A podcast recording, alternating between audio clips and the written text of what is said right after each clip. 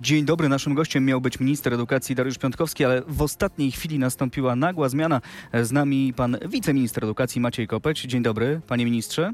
Dobry. Dzień dobry. Panie ministrze, kiedy było 300 zakażeń koronawirusem dziennie, zamykaliście szkoły, wprowadzaliście nauczanie zdalne. Dzisiaj jest ponad 800, a mimo to za dwa tygodnie, no ponad dwa tygodnie uczniowie do ławek wracają. Dlaczego?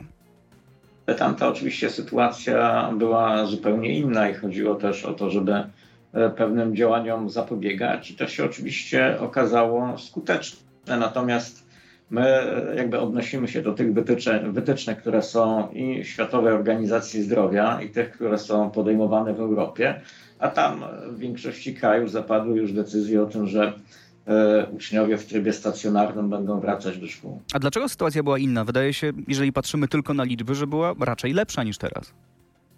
Ale też musimy się odnieść e, do całości, tak, a więc do kwestii i e, powstrzymywania tego, co się wówczas pojawiło, i kwestii tego, co się działo w całej Europie, a więc kwestii i ograniczenia ruchu wewnątrz kraju, E, i tego, co się działo e, na granicach. Czyli jeżeli popatrzymy na całość działań... Ten wątek, panie ministrze, przepraszam bardzo, ten wątek kontynuujemy już teraz, e, za chwilę w RMF24.pl. Również tam zapraszamy słuchaczy radia.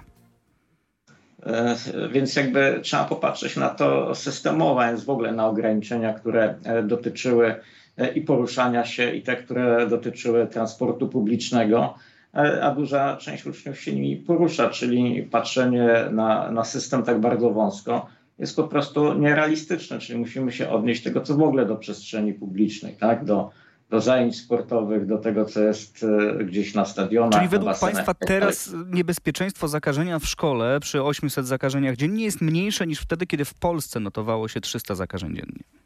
Tylko wtedy jakby wiemy dobrze, że mieliśmy do czynienia z rozprzestrzenianiem się wirusa e, i te decyzje, które były podejmowane, były podejmowane na podstawie e, wytycznych i sugestii. Ale to dzisiaj wirus się nie rozprzestrzenia, panie ministrze? inspektora sanitarnego. E, I dzisiaj też są podejmowane w odniesieniu do konkretnych kwestii, czyli wtedy udało się tym Panie ministrze, ale to dzisiaj wirus, przepraszam, wróćmy do, do początku tego, co pan powiedział. Dzisiaj wirus już się nie rozprzestrzenia? Jest zatrzymany? Mamy do czynienia oczywiście jakby z inną sytuacją, ale też trzeba patrzeć na to, że zostało uruchomione życie społeczne w innych sferach i oczywiście następuje monitoring tego, co się stało. I stąd chociażby te decyzje, które są o chociażby e, tych strefach żółtej czy e, czerwonej, choć też nie da się przenieść całej sytuacji epidemiologicznej z tych stref na działalność jednostek systemu oświaty, bo mamy sytuację, gdzie oczywiście mamy wzrost zakażeń, ale na przykład w jednym punkcie, tak, to trudno odnieść to do e, całego powiatu czy całego kraju. Mówił Pan o tych strefach, więc ja chciałem o te strefy zapytać. E, w powiatach w żółtej i czerwonej strefie będzie obowiązek zasłaniania nosa i ust na korytarzach e, w szkole i kto ma tego pilnować? To jest jedno pytanie. Drugie pytanie to jest, jakie będą konsekwencje dla uczniów, jeżeli oni będą na przykład tych nakazów uporczywie nie przestrzegali? Ale proszę też zauważyć, że te przepisy czy nakazy, jeżeli zostaną wprowadzone, e, to też jakby funkcjonują w innych e, miejscach przestrzeni publicznej. To dotyczy komunikacji miejskiej, to dotyczy. No to wiemy, panie ministrze, absolutnie to tak, wiemy, tylko chciałem wiemy, zapytać o konsekwencje dla uczniów. Jeżeli uczeń nie będzie nosił maseczki, albo jeżeli nauczyciele albo dyrekcja nie zadbają o to, że w tej szkole będzie ten reżim maseczkowy przestrzegany, to co wtedy? Ale oczywiście, że mamy przepisy wewnętrzne w szkole, czy przepisy, które są ogólne, e, które dotyczą też odpowiedzialności rodziców za to, co się dzieje, więc tutaj e, nie ma takiej sytuacji, w których takich zagrożeń by nie było. E, też zakładamy, że i rodzice, i nauczyciele są osobami odpowiedzialnymi. Panie ministrze, ale to konkretnie, no, kto ma pilnować tego, żeby dzieci w szkołach nosiły maski? Czy mają to robić dyrektorzy, czy mają to robić nauczyciele? E, I co, jeżeli uczeń nie będzie nosił? Prosiłbym o konkretną odpowiedź, o, no, no czy to będzie na przykład dla ucznia nagana, czy to będzie, e, jakieś inne konsekwencje będą? Obecnych przepisów, tak? E, I tego, w jaki sposób będzie funkcjonowała szkoła, co zakładamy, będzie wyjątkiem, nie wiem, w strefie żółtej, czy może nawet czerwonej E, to tak naprawdę decyzję o tym, jak będzie funkcjonować taka szkoła, podejmie e, powiatowy inspektor sanitarny. On zdecyduje o tym, e, jakie zasady powinny funkcjonować w tej jednostce, czy powinna też przejść na nauczanie zdalne. a odpowiedzialność ponosi dyrektor szkoły za bezpieczeństwo uczniów. Czyli jeżeli uczniowie nie będą przestrzegać nakazów, e, to wtedy dyrektor szkoły musi liczyć się z odpowiedzialnością. No, musi się liczyć, ale też e, dotyczy to rodziców jako prawnych opiekunów. No to w takim razie kto tutaj, czy, czy rodzice mogą, e, no, mówi pan o inspektorze sanitarnym, czy inspektor sanitarny w takiej sytuacji może nakładać na przykład karę finansową na rodziców za to, że ich dziecko nie nosi maseczki w szkole, czy tutaj raczej ukarany zostanie dyrektor szkoły? Znaczy, proszę zauważyć, że mamy kierownika zakładu pracy, którym jest e, dyrektor szkoły. No nie zakładamy, że ktoś specjalnie nie będzie chciał przestrzegać przepisów, które tak naprawdę mają chronić. E, no to jest jakby takie pytanie, tak, które dotyczy tak samo dziecka, które w sklepie nie włoży maseczki, czy e, w tramwaju, metrze, autobusie, e, pociągu. Panie ministrze, wytyczne dla szkół one już są, ale dyrektorzy mówią, one są za późno. Powinniśmy je dostać jeszcze w lipcu, żeby zdążyć się przygotować. Nie dało się tych wytycznych stworzyć wcześniej? A proszę zauważyć, że tak naprawdę to, co się działo w szkołach, ono spowodowało wydłużenie wielu czynności poza koniec zajęć, czyli dotyczyło to e, i egzaminu smoklasisty, egzaminu maturalnego i wszystkiego, co się działo potem, a więc e, egzaminów w terminie dodatkowym, wydania zaświadczeń, wydania matur, rekrutacji do szkół. Czyli tak naprawdę e, dyrektorzy szkół podstawowych czy dyrektorzy szkół ponadpodstawowych tak naprawdę do tej pory zakładam, że jeszcze wykonują szereg czynności, które Ale... związanych chociażby z rekrutacją. Ja nie do końca pytam o to, co robili dyrektorzy szkół, tylko to, o, co, o to, co robiło ministerstwo. Czy ministerstwo nie mogło wcześniej opracować tych wytycznych, mając już wiedzę na temat tego, jak, jak to powinno mniej więcej wyglądać po tych doświadczeniach choćby z przedszkoli? E, ale też proszę zauważyć, że e, jakby z jednej strony tak e, istotna jest analiza, który, tych działań, które są podejmowane w Europie. Jak powiedziałem, w wielu krajach te decyzje równocześnie wielu jeszcze się sytuacja analizuje, bo ona jest zmienna. To dotyczy także e, tego, co można zrobić, jakie można podjąć działania ze strony ministra zdrowia. I tutaj jest taka rekomendacja, że w pewnym takim standardzie e, jednak wzmożonego bezpieczeństwa e, szkoły mogą wrócić do działań stacjonarnych. E, czy instrukcji, które przedstawił GIS i dopiero wtedy można patrzeć całościowo na te przepisy, które zostały wydane przez ministra edukacji narodowej, czyli tych pięć e, aktów wykonawczych, które zostały wczoraj podpisane. Natomiast same wytyczne zostały też e, wydane wcześniej. No jesteśmy jeszcze w momencie, kiedy do e, początku roku szkolnego e, mamy dwa tygodnie. Panie ministrze, wywołał pan te pięć aktów wykonawczych podpisanych wczoraj przez pana ministra e, Piątkowskiego. Wie pan, jakie uwagi wpłynęły w konsultacjach społecznych do tych rozporządzeń i czy one zostały uwzględnione? Znaczy, istotne jakby z naszego punktu widzenia, tak, no, były uwagi chociażby Związku Nauczycielstwa Polskiego, zresztą ze związkowcami też na temat e, tych uwag e, dzisiaj dyskutowałem. Ale ZNP wcale e, się pochlebnie nie wypowiada o tych podpisanych wczoraj rozporządzeniach.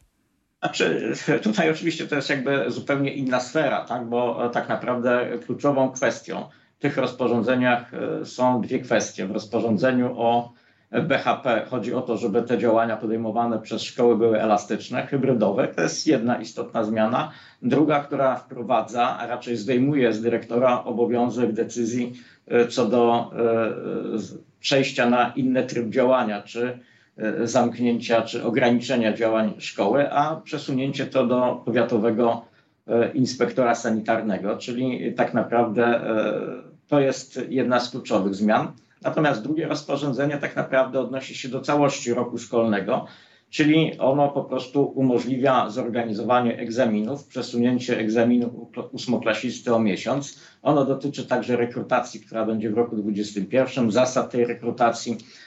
Czy tego, panie ministrze, znamy treść rozporządzeń? Myślę, że zainteresowane strony się nimi... Ale to jest istota tych zmian, które określają tego, jak będzie wyglądał cały rok szkolny. Czy rozumiemy, znamy istotę tych zmian, ponieważ wyobrażam sobie, że wszyscy zainteresowani się e, z nimi nie zapoznali. Ja chciałem zapytać, czy nie uważa pan, że jeden dzień na konsultacje społeczne to trochę za mało, ponieważ te rozporządzenia pojawiły się 11 sierpnia, a do 12 sierpnia do godziny 13 czekaliście na uwagi. Czy nie znaczy, wypadało dać e, stronom zainteresowanym więcej czasu? Ale jak widać, strona społeczna w postaci Związku Nauczycielstwa Polskiego była w stanie te uwagi przeczytać, interesowały i odpowiedzieć nam. Też interesowały nas ewentualnie uwagi resortów, dlatego też, resorty prowadzą swoje szkoły. A czy interesowały Was uwagi po prostu dyrektorów szkół, którzy być może chcieliby się na ten temat wypowiedzieć? E, te przepisy wcześniej były konsultowane i z kuratorami e, oświaty, i wybranymi e, dyrektorami szkół. I część tych przepisów była właśnie konstruowana i wytycznych w oparciu o te uwagi, które spłynęły od nas, od dyrektorów i kuratorów. Panie ministrze, czy we wrześniu będą podwyżki dla nauczycieli? We wrześniu będą podwyżki. Zresztą to spotkanie dzisiaj ze związkami zawodowymi dotyczyło rozporządzenia o minimalnych stawkach, czyli tak naprawdę przepisów, które e, wykonawczych e, będą wprowadzać podwyżkę. Jest to podwyżka 6% w sumie od 2018 roku jest to 28,5% E, które zyskują nauczyciele. Czy y, mówił Pan o tych y, nauczycielach, którzy y, zarabiają najniższą stawkę, bo tutaj mówimy o dostosowaniu do najniższej krajowej, która też ma się podnieść. Czy nie będzie takiej sytuacji, jaka była wcześniej, że po prostu ministerstwo nie wyrobiło się z tym rozporządzeniem i ci, którzy zarabiali no, najniższą stawkę nauczyciele, musieli czekać na dostosowanie swojej stawki do najniższej krajowej? To czy zawsze jest źle, tak? Albo jest to projekt za późno, albo za wcześnie.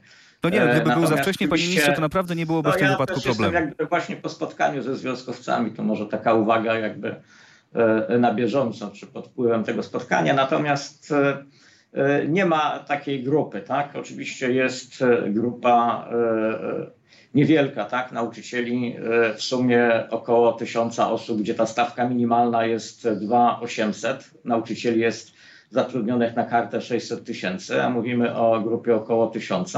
W sumie tam, gdzie jest powyżej nieco 2800, to jest około 11 e, e, tysięcy, ale też trzeba pamiętać, że nie można mylić minimalnej stawki z minimalnym e, wynagrodzeniem, dlatego że ta minimalna stawka jest także przez inne dodatki ona wzrasta, tak? Czyli w sumie dla nauczyciela stażysty ta, ta, ta minimalna stawka to jest 80 mniej więcej 3% wynagrodzenia. Czyli potwierdza pan we wrześniu podwyżki dla nauczycieli będą. A ja bym zapytał jeszcze o inną rzecz. Wracając do szkół tym razem, jeżeli chodzi o uczniów, e, o uczniów, którzy w szkołach często korzystają też z zajęć pozalekcyjnych prowadzonych przez osoby, które pracownikami szkoły nie są. Czyli muszą to być osoby z zewnątrz, które do szkoły przychodzą, prowadzą różnego rodzaju zajęcia. E, czy takie zajęcia w tym e, nowym reżimie sanitarnym, który obowiązywał będzie w szkołach, będą dla uczniów dostępne? Wskazujemy na to, żeby raczej z tego nie korzystać, żeby ograniczyć liczbę osób z zewnątrz. Natomiast oczywiście tam, gdzie e, będą wprowadzone dalsze ograniczenia, tam oczywiście takie osoby w szkole nie będą mogły przebywać. Ale rekomendacja ministerstwa jest taka, żeby niezależnie od tego, czy jesteśmy w strefie żółtej, czerwonej, czy w strefie, w której e, nie ma żadnego koloru, e, tak naprawdę nie korzystać z usług osób z zewnątrz, również nauczycieli z zewnątrz. Dobrze jest zrozumiałem?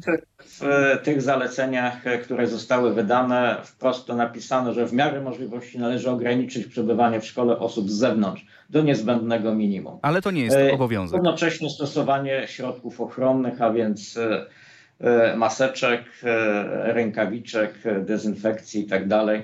Równocześnie takich, które nie mają objawów chorobowych. E, jeszcze tylko, żeby wyjaśnić ostatecznie, panie ministrze, to jest rekomendacja, a nie obowiązek. To jest oczywiście rekomendacja ministra zdrowia, generalnego inspektora sanitarnego i ministra edukacji narodowej. Panie ministrze, czy Ministerstwo Finansów dało już Ministerstwu Edukacji odpowiedź w sprawie pieniędzy na zajęcia wyrównawcze dla uczniów, którzy nie mieli dostępu do zajęć w czasie pandemii?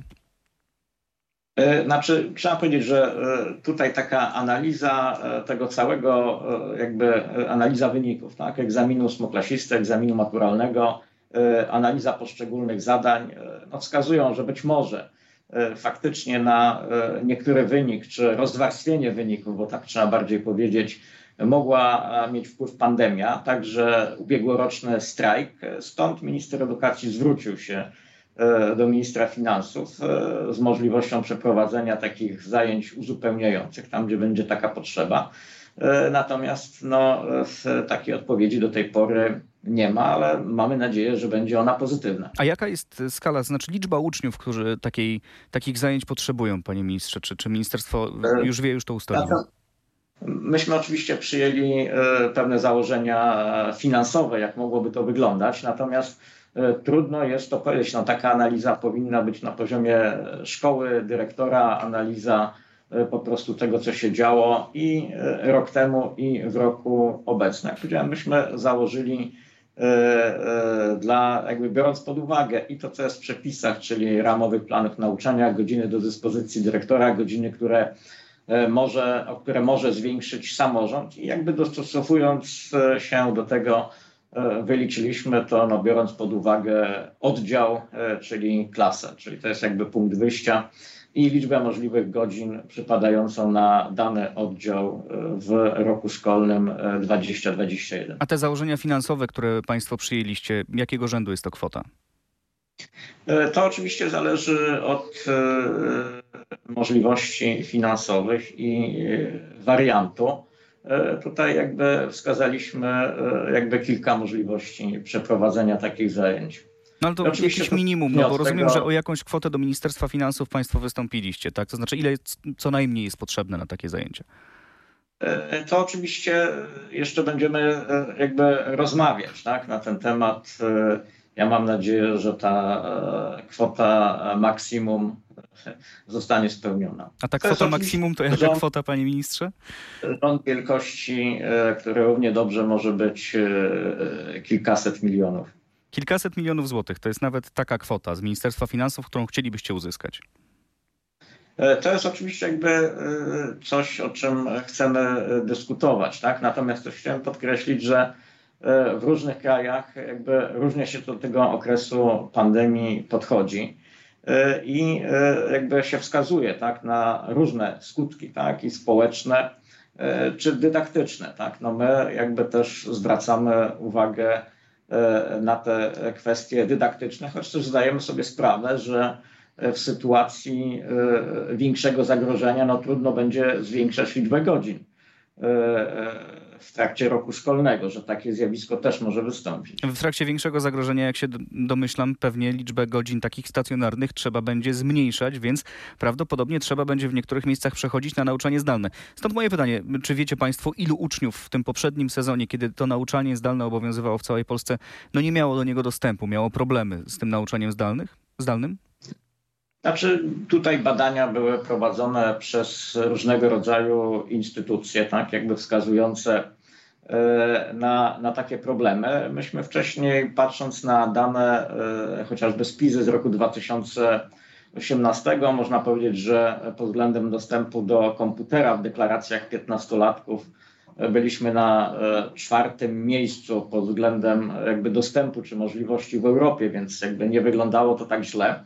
Natomiast też kuratorzy e, monitorowali sytuację tam, gdzie były sygnały dotyczące tego, że e, nie ma e, kontaktu z uczniami i tam e, dyrektorzy szkół czy organy prowadzące, bo to ich zadanie, e, też takie działania e, podejmowali, czy były takie działania podejmowane. Panie ministrze, Centrum Cyfrowe to są dane z raportu, które przedstawiło Centrum Cyfrowe. Pod koniec marca około miliona uczniów, czyli 25% musiało współdzielić sprzęt z rodzeństwem lub rodzicami, a więc nie zawsze mieli ten komputer na wyłączność. Możemy sobie wyobrazić sytuację, kiedy jest jeden komputer i dwójka dzieci, które w tym samym czasie mają zdalne lekcje.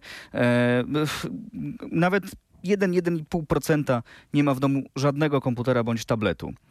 To są dane, które z waszymi danymi się pokrywają? Dostawaliście takie informacje?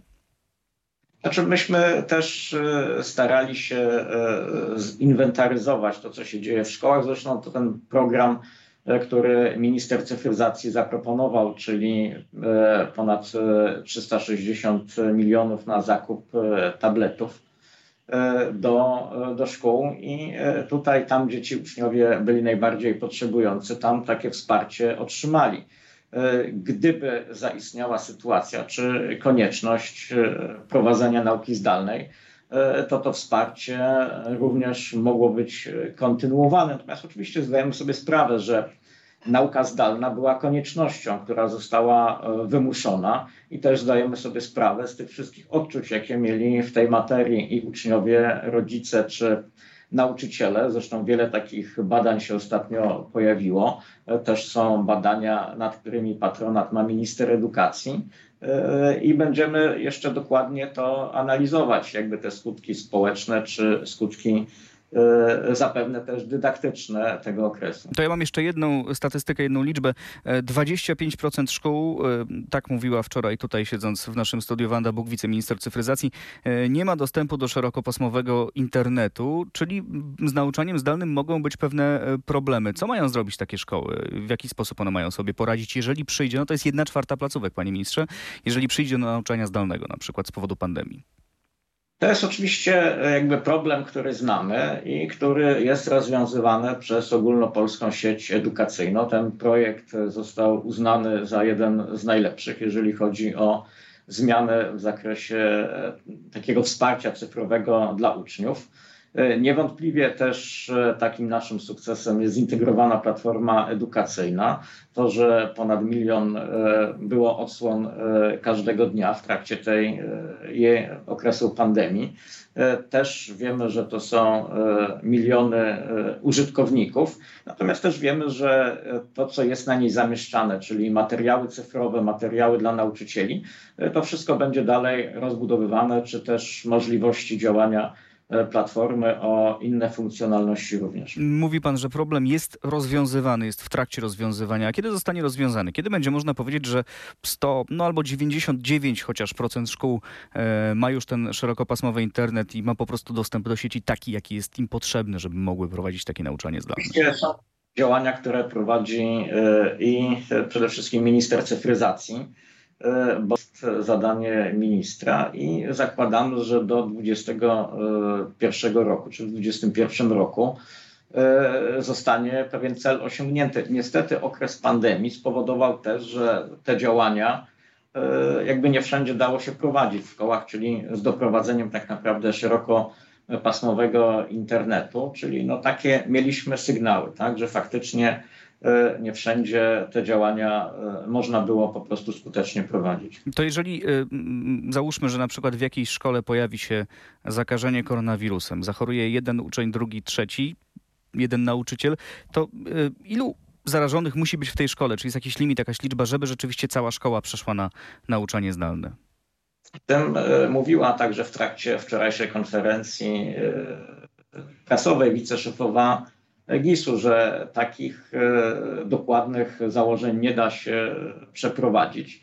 E, chociażby ze względu na wielkość szkoły, czy to, że jest szkoła ponadpodstawowa, uczniowie mogą się poruszać w skali całego powiatu czy kilku powiatów e, i zależnie od zagrożenia. Natomiast oczywiście te procedury są takie jak w przypadku każdego innego zakażenia, to znaczy prowadzi się postępowanie i to jakby w każdej sytuacji GIS będzie czy e, Sanepid postępować według e, tych samych procedur, to znaczy postępowania będą, będzie ustalenie kontaktu tej osoby z innymi nauczycielami, uczniami, kwarantanna w stosunku też do tych osób, odpowiednie badania, wymazy i dalej postępowanie, czy ma to dotyczyć, nie wiem, całej klasy, czy całej szkoły, czy możemy mówić o tym, że część uczniów będzie kontynuować naukę E, poza szkołą w formie zdalnej, a część będzie mogła ją kontynuować w szkole. To już będzie decyzja e, inspektora sanitarnego.